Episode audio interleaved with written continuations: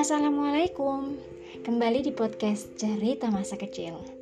Episode kali ini episode spesial, episode teruntuk orang yang masih ada dan kebaikannya tidak diragukan lagi. Usianya genap 55 tahun. Nah, kisah perjalanan panjang ini tentu jangan sampai dilupakan, tapi akan selalu terkenang.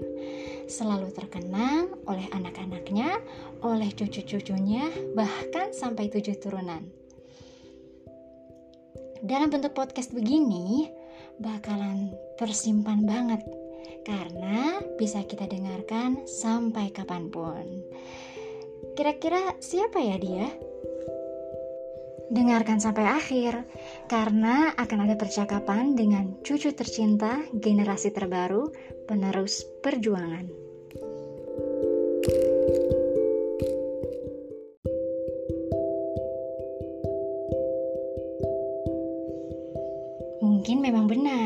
Bagi masyarakat Indonesia, tanggal 21 April bertepatan dengan Hari Kartini, seorang wanita yang telah berhasil melakukan perubahan dan memperjuangkan haknya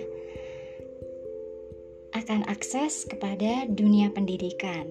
Namun bagi saya, 21 April ini memiliki makna yang lain pada hari itu telah lahir pula seorang anak perempuan, lima bersaudara dengan tiga orang kakak dan satu adik perempuan yang jarak kelahirannya masing-masing satu tahun. Siapa sangka setelah dewasa perempuan ini tumbuh pula menjadi tenaga pendidik yang cemerlang.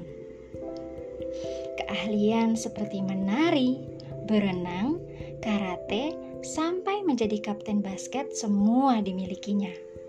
Dari hasil pernikahan, ia dikaruniai dua anak perempuan dan satu anak lelaki yang luar biasa, indah, dan menyejukkan pandangan mata.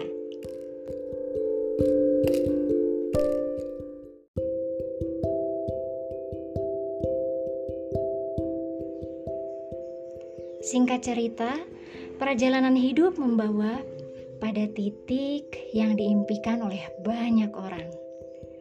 Hampir semua orang di daerah mengenal dan tahu akan kecerdasan sosok wanita satu ini.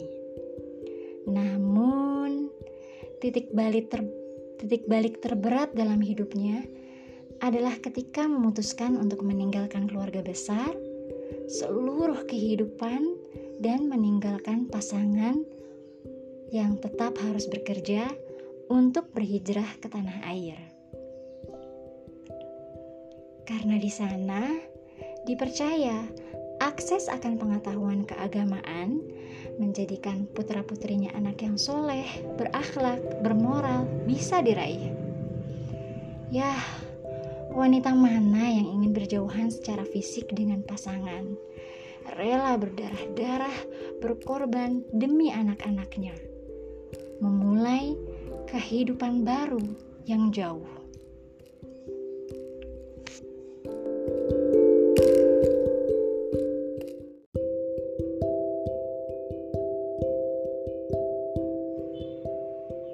Seorang ibu ini bukan lulusan pesantren, namun penghambaan dan wawasan akan keagamaannya begitu mendalam. Wanita asli Sunda ini bukan hanya soleh untuk dirinya, tapi mampu mensolehkan putra-putrinya, mendorong agar punya cara berpikir yang benar, punya cara pandang hidup dengan benar, yaitu mengejar keriduan pemilik alam semesta. Segala pelajaran hidup sekecil apa pun akan diangkat dan dibahas. Tidak ada pembiaran atau pembungkaman yang dapat menjauhkan diri dari keriduan. Ya, sebagai orang tua, memang sewajarnya kita harus menyadari bahwa tanggung jawab atau amanah dari memiliki seorang anak adalah di pundak orang tua. Bahkan, kalau soal agama, tanggung jawabnya seumur hidup. Beliau sering mengumpulkan anak-anaknya dan melakukan perubahan. Beliau menyampaikan bahwa hidup nggak bisa begini aja.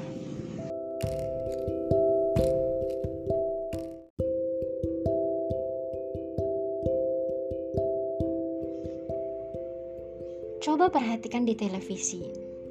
Tayangan-tayangan yang mendidik untuk anak selalu ditayangkan di jam-jam maghrib. Oh, itu sengaja untuk membuat kita lalai akan ibadah. Orang-orang di balik TV tidak peduli dengan pendidikan dan ibadah kita, ungkapnya. Hal soal pendidikan memang bukan hanya didapat dari sekolah Terkadang manusia suka salah. Pendidikan berkarakter diperjuangkan bersama-sama dan dimulai dari rumah.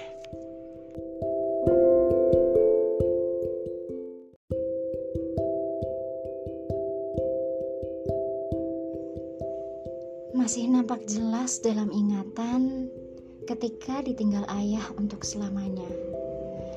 Ibu ini begitu kuat menghadapinya. Ingin rasanya berbuat lebih baik, memperbaiki setiap momen yang telah diberikan. Tapi kini kami hanya mampu melaju lebih baik, bersyukur dikelilingi dengan cucu-cucu sang penghibur. Semua tentu demi mereka yang telah pulang lebih dulu. Wahai ibu, Umi, Selamat ulang tahun.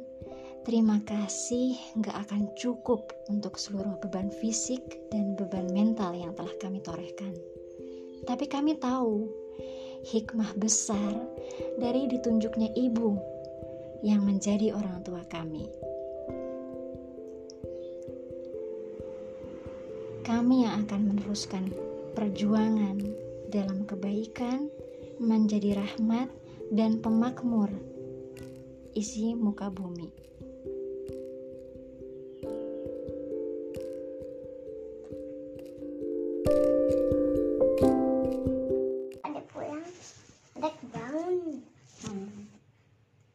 Dikirain mimpi ternyata. Beneran? Mm -mm. Tapi mimpinya malah bukan yang indah. Hmm. Ada mah mimpi, mimpi buruk. film horor. Mimpi buruk. Mm -mm. Makanya kalau mau tidur mesti Bismillah dulu supaya nggak mimpi buruk. Ada tadi sebelum tidur Bismillah dulu nggak? Hmm. Lupa ya? Bismika doang. Oh Bismika ya. Bismika. Habis itu ada langsung tidur. Oh ya bagus Bismika sama.